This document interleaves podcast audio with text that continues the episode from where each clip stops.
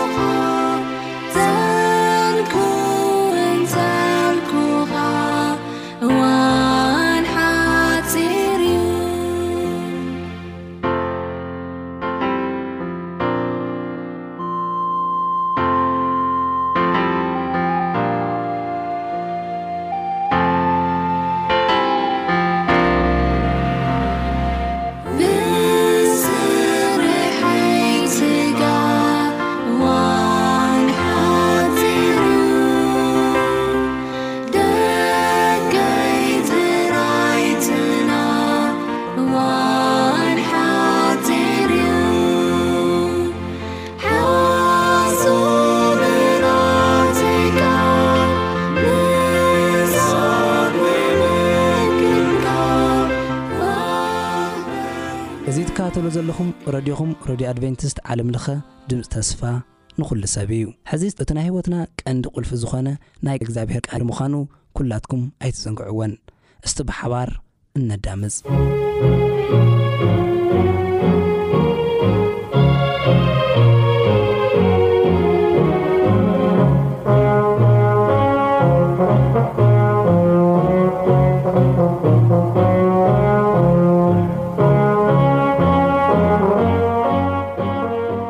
ሰላም ሰላም ከመይ ሓዲርኩም ኩራት ተኸታተልቲ መደባትና እዚ ናይ ሎም መደብና ጠመተ እንገብረሉ ኣብ ናይ ሓደ መፅሓፍ ቅዱስ ዛንታ ብዛዕባ ናይ ነቢ ሆስዒ ዛንታ እዩ ክነግረኩም ኣብ መፅሓፍ ትንቢተ ሆስዕ ይብል ኣነ ናቱ ሰብ ንሱ ዛንታ እዩ ክዘንትወልኩም እግዚኣብሔር ንምንታይ ኣጀንዳ ከም ዝተጠቐሞ ብኸመይ መልክዕ ከተጠቒምዎ ንዝብል ኢና ታሪክ ነቕርብ ኣብዚ መፅሓፍ እዚ ኣብ ናይ ትንቢተ ሆሴ ዘለዋ ምዕራፋት ጠቕላላ እስካብ ዓሰርተ ኣርባዕተ ምዕራፍ ኣለዎ። እግዚኣብሔር ንሰለስተ ዓበይቲ ኣጀንዳታት ኣብዚ መፅሓፍ እዚ ንኡ ከብራህርህ ከሎ ዝገለፆም ነጥብታት እኒኡ ሓቢርና ንከታተሎም ንምንታይ እቲ ታሪክ ንሱ ክዝንቱ እንታይ ድባል ከም ድኾንኩ ከዓኒ ኣብቲ ከይዲ ብሓባር ክንሪኦ ኢና ክቡራት ሰማዕትን ተኸታተልትን እዚ መደብ እዚ ሒዘልኩም ዝቐረብኩም ሓፍትኹም ሳሌም ነጋሲ በርሀ በሃል ቅድሚ መደብ ምጅማርና ከዓኒ ሓቢርና ንጸሊ ትማሊ ዝነበርካ ሕጂ እውን ዘለኻ ንዘላእለም ትነብር ሓጢኣትና ዘይጋርደካ ኩሉ ግዜ ብምሕረት ዓይኒ ትጥምተና ኣምላኽ ሰማይ ነመስግነካ ሕጂ እውን ንዕለት እንጌራና ኸትህበና ፍቓደኛ ስለ ልኾንካ እዚ ምስ በላዕና ምስ ሰተና ኸዓ ንከይንጠሚ በብዕለቱ ኸዓኒ ቖሪሱ ዘይውዳእ ቃልካ ስለ ትበና ነመስግነካ ኣምላኸይ ንዕልቲ እንጌራ ሃበና ኢልናካ ነርና ንዕልቲ እንጌራ ስለ ድሃብካና በዚ ሕጂ ሰዓት እውን ነመስግነካ ኣነይን ህዝበይን ኣሕዋተይን ከኣኒ ካብቲ ትምህረና ዘበለ ኩሉ ንህይወትና ዝኸውን መሪጽና ክንወስድ ሽዑ ክንዓወየሉ ፍረ ክነፍሪ ንስኻ ሓግዘና ትኽእል ኢኻ ናይ ህይወት መምህር ንኣይን ነሕዋተይ ኣነ ንዝዛረቡ ኣሕዋተይ ንዝሰምዕዎ ዘበለ ኩሉ ምስትውዓል ክትህብ ኣብዚ ጉባኤ እዚ ክትመላለስ ኣብ ኣሕዋት ህይወት ናብ ናይ ሰማዕትና ህይወት ከዓ ንክትመላለስ ንልመነካ ትኽእል ኢኻ ልክዕ ዝናብ ዘንዩ ኣለምሊሙ ከም ድምለስ ትቃል ከዓ ኣብ ህይወትናን ኣብ ህይወት ሰማዕትናን መደባትና ንዝከታተሉ ኹናን ዘይከታተሉ ፍረ ህይወት እንክኾነሎም ንምሕፀነካ ኣይትፍለና ብሓደ ወድኻ ብመድሓኒናን ብየሱስ ስም ኣሜን እሺ ክብራት ሰማዕቲ መደባትና ከምቲ ደወልኩኹም ናይ ነቢይ ሆሴእ ዛንታ እየ ክነግረኩም ነቢይ ሆሴእ ማለት እግዚኣብሔር ንዝኾነ ኣጀንዳ ክጥቀመሉ ዘልዐሎ ብ ሸውዓተ ሚእቲ ዕስራን ሓደን ዓመት ቅድሚ ልደተ ክርስቶስ ዝነበረ ሰማርያ ቅድሚ ምውዳቃ ድሕሪ ነቢይ ኣሞጽ ኣብ ሰሜናዊ መንግስቲ እስራኤል ነቢይ ሆሴ እንታይ ገብር ነይሩ ይሰብኽ ነይሩ እንታይ ኢለኩም ቅድሚ ልደተ ክርስቶስ ብ ሸውዓተ ሚእቲ ዕስራን ሓደን ዓመት ከባቢ ዝነብረ ነቢይ ኮይኑ ሰማርያ ቕድሚ ምውዳቓ ድሕሪ ነብዪ ኣሞጽ፣ ኣብ ሰሜናዊ መንግስቲ እስራኤል ነብዪ ሆሴእ እንታይ ይገብር ነይሩ? ይሰብኽ ነይሩ። እቲ ዘመን እቲ ዘመን ህውከት ነበረ ይብል። እቶም ህዝቢ ንኣምልኾ ጣኦት ብምስዓቦም፣ ነቲ ኣብ እግዚኣብሄር ዝነበሮም እምነት ድማ ብምሕዳጎም፣ ሆሴእ ብምሉእ ሓይሉ ይግስጾም ነበረ። እንታይ እንታይ እዮም ገይሮም? ዘመነ ህውከት ነይሩ። እቲ ዘመነ ህውከት ዝዀነ ኸኣኒ ንጣኦት እዮም ደምልኹ ነይሮም። ንጣኦት ይስዕቡ ነይሮም ኣብ እግዚኣብሔር ዝነበሮም እምነት ከኣኒ ሓዲጎም ካሊእ ነገር ይስዕቡ ነይሮም እና በቲ ሽዑ ሰዓት ካብቶም ዝነበሩ ንእግዚኣብሔር ዘገልግሉ ዝነበሩ እሙናት ባሮት ሓደ ነብዩ ሆሴዕ ነይሩና እንታይ ይብል ኣዚ ሆሴዕ ብዛዕባ እምነት ምጉዳል ክዛረብ እንከሎ ነቲ ምስ ሓንቲ ኣመንዝራ ዝገበሮ መርዓ ምስ ሰላጊር ይገልጾ ባዕሉ ሆሴዕ ማለት እዩ ሆሴዕ ብዛዕባ ምጉዳል እምነት ክዛረብ እንከሎስ ይብል ነቲ ምስቲ ሓንቲ ሆሴእ ከምቲ ትፈልጥዎ ቀስ ኢለ ክነግረኩም እየ እቲ ዛንታ ድሕሪኡ ደሎ ምስ ሓንቲ ኣመንዝራ ዝገበሮ መርዓ ጌሩ ይገልጾ ከምቲ ሰበይቲ ጎሜር ዝጠለመቶ ከምኡ ድማ ህዝቢ እግዚኣብሔር ንእግዚኣብሔር ከም ዝከሓድዎ ይገልጽ ብሰንኪ እዚ ክሕደት እዚ ከዓ ኣብ ልዕሊ እስራኤል ፍርዲ ከም ዝመጽእ ግና ኣብ መወዳእታ እቲ እግዚኣብሔር ኣብ ህዝቡ ዝገብሮ ዓብዪ ምሕረት ንህዝቡ ናብኡ ከም ዝመልሶም ነቲ ኣብ መንጎኦም ኣብ መንጎ ክልቲኦም ዝነበረ ርክብ ከኣ ከም ዝሕድሶ ይነግር። መን? እግዚኣብሔርን ህዝብን። ሕጂ እዚ ነገር እዚ ብኸመይ እዩ ተዘንትዩ ዘሎ? ሆሴ ዝበሃል ነቢ ከምቲ ዝነገርኩኹም ኣብ ሸውዓተ ሚእትን ዕስራን ሓደን ዝነበረ ቐድሚ ሰማርያ ምውዳቃ ዝነበረ ነቢ ንኽሰብኽ ዝተጠቐመሉ መንገዲ ነቢ ሆሴ ይበሃል። ነቢ ሆሴ ማለት ነብዪ እንዳሃለየ ግን ናይ ኣመንዝራ ሰበይቲ ክምርዓው እግዚኣብሄር ክተመርዓዋ ኢልዎ። እቲ ዛንታ ንናይ መን ንጉስ ኣብ ናይ መን ኩነታት ግዜ ከም ዝነበረ ከኣ እንዳዘገብኩልኩም ነይረ። በነገስታት ይሁዳ ብኦዝያን ዘመን ይብል።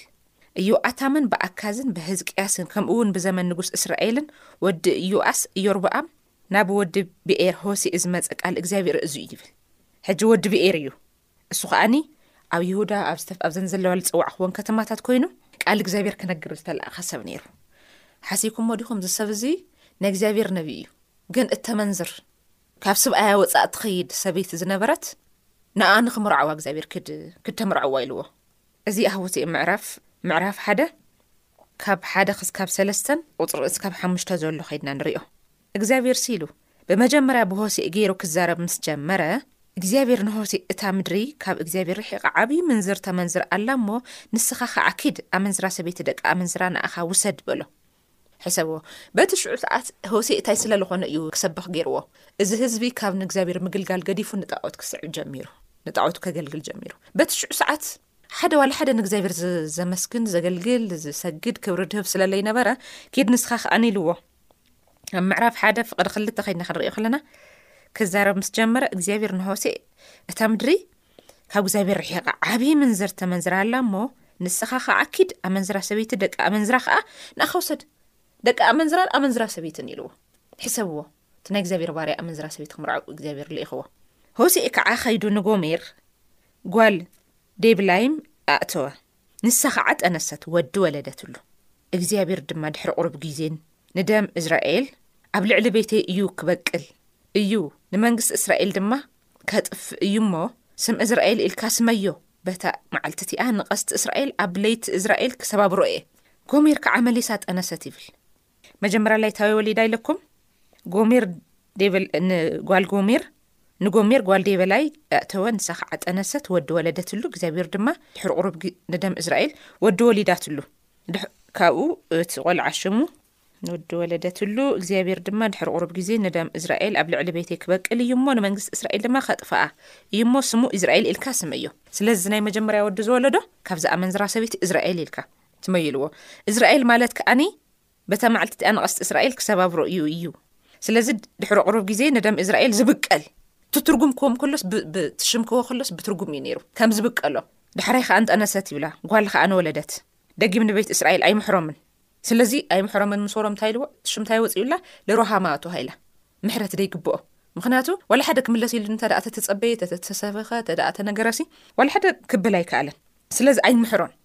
ምሕረት ደይግብኦ ኢልዎ ኣሎ ሩሃማ ናይ መጀመርያ ወድያ መን ኢለኩም እዝራኤል እዝራኤል ከኣኒ ድሕሪ ቕሩብ ግዜ ንደም እዝራኤል ኣብ ልዕሊ ቤተይ ክበቅል እዩ ዝብል ሽም እዩ ተዋሂብዎ እቲ ከኣኒ ኣይምሕሮን ልሩሃማ ኣብዚ ከኣኒ ኢልካ ውፅእለ ምስ በሎ ንቤት ይሁዳ ክምሕሮም እየ ብእግዚኣብሔር ኣምላኽ ዘድሕኖም እምበር ብቐስት ብሰይፍን ኬ እግዚኣብሔር ከዓ ደጊም ንቤት እስራኤል ኣይምሕሮምን እዩ እሞ ልሩሃማ ኢልካ ስም ኣውፅእሎ ንቤት ይሁዳ ግን ይብል ሕጂ ንእስራኤል ይድብል ደሎ ሓቂፍቲ ንቤት ይሁዳ ግን ክምሕሮም እየ ብእግዚኣብሔር ኣምላኾም እየ ዘድሕኖም እምበር ብቐስትን ብሰይፍን ብውግእ በፍራስን ብፈረሰኛታትን ኣይኮነን በለ። ጎሜር ንሮሃማ ጡብ ምስ ሓደገታ ከኣ ንመሊሳ ሳልሳይ ወሊዳ ጠነሰት ይብል ካብኡ ከኣ ንወለደት እግዚኣብሔር ድማ ናሆሴ እንስኻትኩም ህዝበይ ኣይኮንኩምን ኣነ እውን ኣምላኽኩም ኣይክኾንን ስለዚ ስሙ መን ኢልካ ሰይመላ ኢልዎ ሎኣሚ ሎኣሚ ከኣኒ ኣነ ኣምላኽኩም ኣይከውንን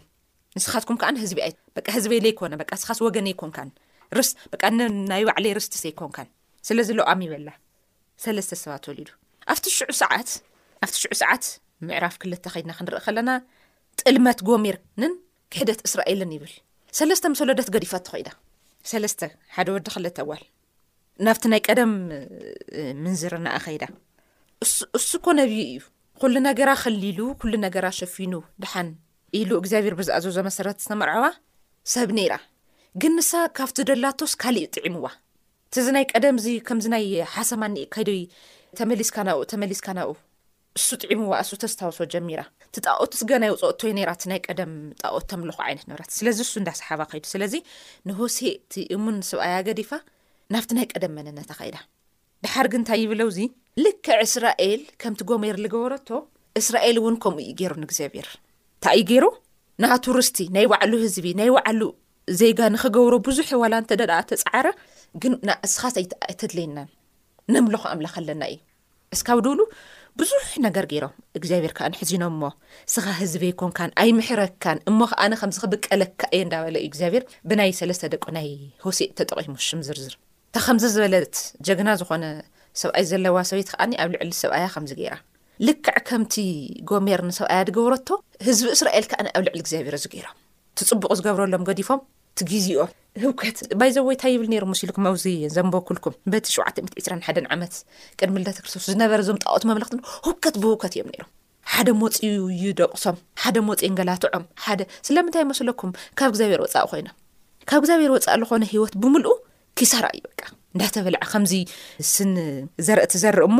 እቲልካ ናብ ማሳኽ ናብ ውሽጢ ጓዳኻ ገለምና ምንሲ ግን ነቐ ዚበልዖ ወይ ብታሓቲ ከምዚ ዝተፈትሐ እንዳበለ ዝኸይድ እንዳፈሰሰ ዝኸይድ ከምኡ በቃ ሂወቶም ብውልቅ ተወሊዑ ኺሳራ ብኺሳራ ኮይኖም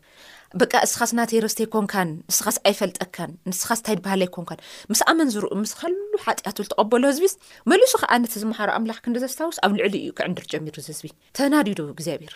እስካብ መዓዘይ ተስታወሱት ኮንኩም ኣብ መፅሓፍ ዘዳግም ኣድል ዘፃኣት ዘውልቅ መፅሓፍ መስለኒ ሙሴ ኣብ ልዕሊ ሙሴ ደርበኣም ንኸልዕሉ እንከለዉ ኣብ ልዕሊ ሙሴ ይኮኑ ደልዕሉ ነይሮም ኣብ ልዕሊ ሙሴ ማለት ንእግዚኣብሔር መልእኽተኛ እዩ ነይሩ እሽዑ ዘይከውን ነገር እዮም ኣብ ልዕሊ እግዚኣብሔር ገይሮም ደርቢ ኣም ነልዒሎም እግዚኣብሔር ኣብ ዝቐበኦ ሰብ ኣይንኸይድን ኣይንገብርን ኣንሕና ከምዚ ኢና ንገብር ፋሉሉ ወፅኦም ናብ ዘይንኸይድን ኣይክንሰምዓካን ንሙሴ ዘይ ምስማዕ ከዓን እግዚኣብሔር ለይ ምስማዕ ማለት ነይሩ ምክንያቱ ምስ ሙሴ ዝነብረመን ነይሩ እግዚኣብሔር ነይሩ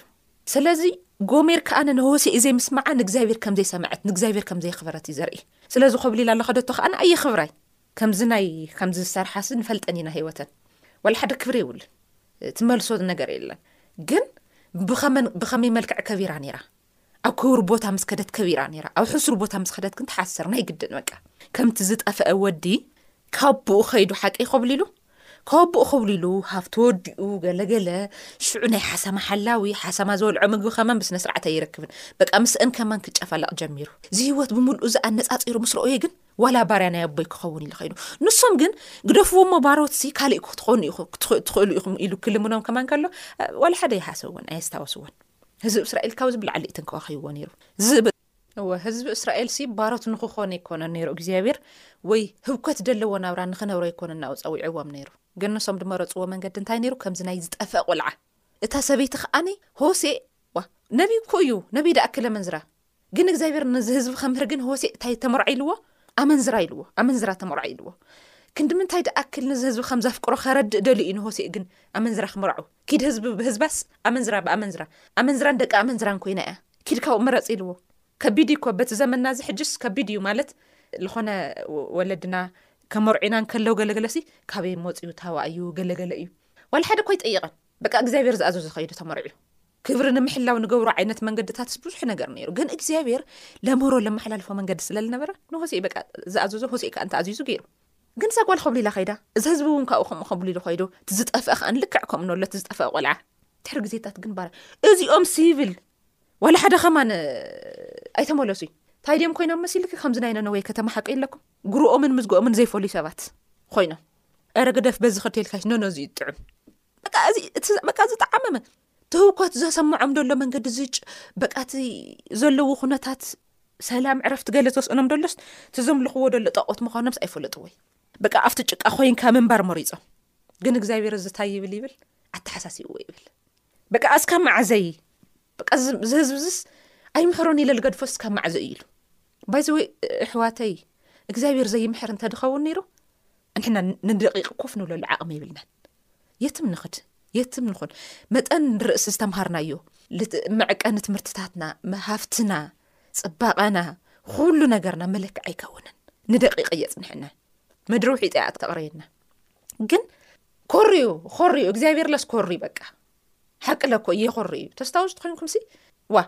ሙሴ ኢልዎ እስካ ማዓዘ ዝህዝብዚ ንዕቐኒ ኢልዎ ዝህዝብ ዝዳሆም እዩ ገይሩ ንዓቶም ሉክ ኣምላኽ ስና ኣይኩን ኣነ ከዓ ንዕረፍትን ሰላምን ህድኣትን ክኾነ ክኣይኑ ዝበሎ ዝበሎ እግዚኣብሔር ስንዕቁ ኖኖኖኖኖ ብጭቃን ብወርቅን ብገለን ዝተለበጠ ይሕሸና ኣይዛረውን ከማን እንት መሕዋት ኣይርእዮን ኣየስተውዕሉን ከም ነምልኾም ከም ደለና ከማን ኣይፈልጡን እዮም ንኦም እዮም መሪፆም ናይ እዚ ምርጫ ንኦም ንሱ ከዓኒ ኣብቲ ታሪክ ከምዝነገርኩም እግርግር ህውከት ፈጢሩሎም። ካብ ኣምላኽ ወጻኢ ልምለኽ ኣምላኽ ዕግርግርን ሽግርን መከራን እዩ ዘምጽእ። ዕግርግርን ሽግርን መከራን ጥፍኣት ኺሳራ እዩ ደምጽእ። ከም ደምጽእ ከኣ ንሕና ብዘመና ስለ ልረእና ንሕና ከምኦም ኮይና ነርና። ኣነ ብወገነይ ከምኡ ነራ። ንሶም ዘምልኹ ዋላ ተለይምለኽኩ ካብ እግዚኣብሔር ወጻኢ ግን ካልእ ኣምላኽ የምልኽ ነራ። ዋላ ሓደ ግን ኣይጠቕመንን ኣይጠቕምን ኣይጠቅምን ኣይጠቅምን ዕግርግር እዩ ድብለኩም ደለኹ ዕግርግር ኣይኮነን ነቦታትና ነደታትና ንእግዚኣብሔር ዝግብኡ ቦታ ንኦም ክንህቦም ከለና ከማን ንሶም ድባ ንኣና ክሕብሕቡና በረከት ድኸውን ዕረፍቲ ድኸውን እኮ ካብኡ ዝተበገሰ እዩ ሓድሓደ ግዜ ለፋሉ ኣለኾነ በ ስርዓት ደይብሉ ኣካይዳ ንኸይድ ሽዑ እግዚኣብሔር ኩሪ ስለምንታይ ደይ ኩሪ ስለምንታይ ደቃሊ ድና ንሕና ደቓሉ እኮ ኣይኮናን ደቁ ስለ ዝኾናይ ክሪ ይኹሪ ይቐጽዕ ኣብ እብራውያን መጽሓፍ እኮ ንስኻትኩም ደቂ መን ተዋይልኩም ዳኣ ሱቕ ክትበሃሉ ኢሉ ደቂ ደቓሉ እኮ ኣይኮንኩምን ክቐጽዐኩም ስደቁ ስለ ዝኾንኩም እዚ ህዝቢ ከዓ ንጥርቅም ኢልዎ እሕልፍ ኣቢሉ ሂውዎ እሕልፍ ኣቢሉ ሂውዎ ሕዋተይ እሕልፍ ሂውዎ ንምንታይ እስከ ክምሃር ዶ ይኸውን ኢሉ ግደፋ እስከ ኢሉ ግን ኣኽ ኣየኽእሎን ይብል እስከ መንጎኡ ናይዚ ህዝቢ ቀንዘው ምባልስ ኣተሓሳሲዎ እግዚኣብሔር ስለዝታይ ገይሩ መስለኩም ክድ ኢልዎ ኪድ ንጎሚር እንታይ ግበራ እታ ኣዶ ደቁስ ካሊእ ሰብኣይ ብወገና ኮ ሕጂ ብዚ ግዜታት እዚ ኣሕዋተይ ኮብሊላ እንተ ከይዳስ ብእግራ ተቕሪኦም ድብሎ እንታይ እታ ከተትርፈለይ ብዙሕ ዝዝረብ ዘረባታት ዛንታታት ኣሎ ኣብቲ ሽዑ ሰዓት ግን ኪደምፃ እየ ኢልዎ እግዚኣብሔር ንመን ክምህርደል ይመስለኩም ሕጂ እውን ንዚ ህዝቢ ክንዲምንታይ ከም ድሓስበሉ ዋላ ኮብለል ይበሉ ዋላ ካሊእ ኣምላኽ የምልኽ እምበር ብዘይካ ንሱ ክሓስበሉ ዝኽእል ኣካል ከምደየለ ከረድእ ደል እግዚኣብሔር ኣጥፊኡ ንዚ ህዝቢ ኩሉ ኣጥፊኡ እኮ ካልእ ንኡ ከምልኽ ብትሕትና ከምልኽ ልኽእል ሰብ ምፍጣር ኮ ይኽእል ነይሩ ግን እንዳተዓገሰ ንዘመዳት ምሉእ እግዚኣብሔር ክንዲምንታይ ከም ዝንዓቕና ኮ ተስታውሱ ዲኹም ቶም ኣሕዋተይ ካብ እግዚኣብሔር ውፃእ ንገብሮ ስራሕ እኮ እግዚኣብሔር ለይፈልጦ ኣጀንዳታት ኩን ዕቐት እዩ ከምዚ ኣዴካ ለይትፈልጦ ወይ ብካ ለይፈልጦ ነገር እንተ ጌርካ ዝወዴታ ኮይንካ ዳኣ ደይማኸርካኒ ምክንያቱ ካ ትኸስር ኢካ ልኦም ተደይማኸርካ ልኦም ተነገርካ ተለይ ነገርካ ካ ትኸስር ኢካ ዝወደይ እዚ ደኣ ክትሓስበሉ እንዲ ነርካ እዚኣ ደኣ ናይ እንዳ ክትነግረኒ ነርካ ልእግዚኣብሔር ከይነገሩ እስከ ይጠቕመና ድኳ ከማን የበልዎን እስኻ ይትመርጸልና ንሕና መሪጸና ኢና እዮም ኮይሎም ምርጭኡ ዘይፈልጥ ህዝቢ ከዓኒ ህውከት ብህብከት ፈጢሩ ንዚ ህዝቢ እዚ ግን ማንም ክሓልየለ ይኽእልን ነይሩ ካልእ ኣካል የለን ዝሓልየሉ ግልፂ ክነግረኩም ዝሓልየሉ እግዚኣብሔር ነይሩ ንጎሜር ዝሓልየላ ከዓኒ ንሳ ናብቲ ዝኸደቶ ናይ ምንዝር ቦታ እንዶም የንገላትዕዋ ነይሮም ስምዑ እስከ ኣብሉ ስርዓ ሰባት ክንዲ ክንዲ ምንታይ መከራ ዝበፅሐ ክንደይ ግዜ እየ ንመሃሰይቲ ዝበፅሐ። ታይ ይበለው ዝመሲሉኩም ከም በልኩ ናይዚ ህዝቢ እዚ መከራ ምስ ረኣየ ናይቲ ምኹብላል ምስ ረኣየ ጉራን ምዝግኡን ዘይፈሊ ህዝቢ ምዃኑ ምስ ተረድኦ እግዚኣብሔር ኣብዚ ቦታ እዚ ጣልቃ ክኣትንኤኒ ኢሉ ጣልቃ ኣትዩ ኪድ ኢልዎ ግዝኣ እያ ኣብኡ ምክንያቱ ጨረታ እያ ኣብኡ ዝሰራሓ ብዙሓት ኣለዉ ሓቀይ ኣብቲ ናይ ምንዝር ቦታ ኪድ ግዝኣ እያ ብኽንድዚ ኢኻ ትገዛ ኢሉ ከይዱ እንታይ ይብል መሲልኪ ሆሴኤን ኣመንዝራን ሰበይትን ይብል እግዚኣብሔር ከኣ ከምዚ በለኒ ምዕራፍ ሰለስተ ፍቅዲ ሓደ ከይድና ክንሪኦ ከለና መጀመርያ ናቲ ምምርዓው ነጊረኩም ሽዑ ከኣ ንምዕራፍ ክልተ ናታም ጥልመትን ናይ እስራኤል ክሕደትን ኣብ ልዕሊ እግዚኣብሔር ዝተገበረ ንሳ ንሆሴ ጠሊማቶ እስራኤል ከኣ ንእግዚኣብሔር ጠሊምዎ ኣብ መንጎ ሆሴኤ ንእግዚኣብሔር እንታይ እዮም ዝገበሩ ደለዉ ሆሴኤ ናብዛ መንዝር ይኸይድ ይሰብኽ ኣይሰምዖን ዝሰምዖ ሰብ የለን ግን ንኸረድእ ግን ተገይሩ እግዚኣብሔር ብትናቲ መንገዲ ይጥቀም ነይሩ ኪድ ኢሉ መሊስካ ኪድ እሞ ከምቲ እግዚኣብሔር ነቶም ናብ ካልኦት ኣማልኽቲ ዝምለሱ ቅጫ ዘቢብ ዝፈትዉ ደቂ እስራኤል እግዚኣብሔር ከምዚ ከም ዘፍቅሮም ንስኻ ንሓንቲ ብኻሊእ ሰብኣይ ዝተፈተወት ሰበይቲ ፍቶ በለኒ እና ፍቶ በለኒ ይብል ኣቶም ሰባት ከምዚ ገራ ከመይ ገረ ከይፍቶ ማለት ንሕርቕ እኮ ኢና ዓቕሚ ከይብለኝ ከማን ንብል ግን ኪድ ኢልዎ በቃ ኪድ ስለምንታይ መስለኩም እግዚኣብሔር ንህዝቡ ከም ዘፍቅሮ ንስኻ ከዓ ንኪድ ፍተዋ በቃ ዘይንስኻስ ማንም ዝሓልየላ ኣካል የለን ኪድ ኪድ ኣምፃእያ ኢልዎ እንታይ ደኣ ክገብር ሆሴእ ተኣዚዙ ከይዱ። ኣነ ከኣ ብዓሰርተ ሓሙሽተ ቅርሺ ብሩር ብኩንታል ፈረቓን ስገመን ዓደግክዋ ይብል። ኣብቲ ሽዑ ሰዓት ባይዘወይ ጨረታ እዩ ነይሩ። ክንድዚ ክንድዚ ክንድዚ ክንድዚ ኣብዚ ናይ ሓደ ሓደ ፊልምታት ንሪኦ እንተ ደኣ ርኢኹም ኣሕዋተይ ክንድዚ ለምሳሌ ጨረታ ይወጻ ወይ ሰማንያ ወይ ቴስዓ ወይ ሚእቲ ወይ ሚእትን ዓሰርተን ወይ ገለ ናብ ጨረታ ይወድቃ ካብኡ ሓደ መውፅኢ ገዚእዋ ይኸይድ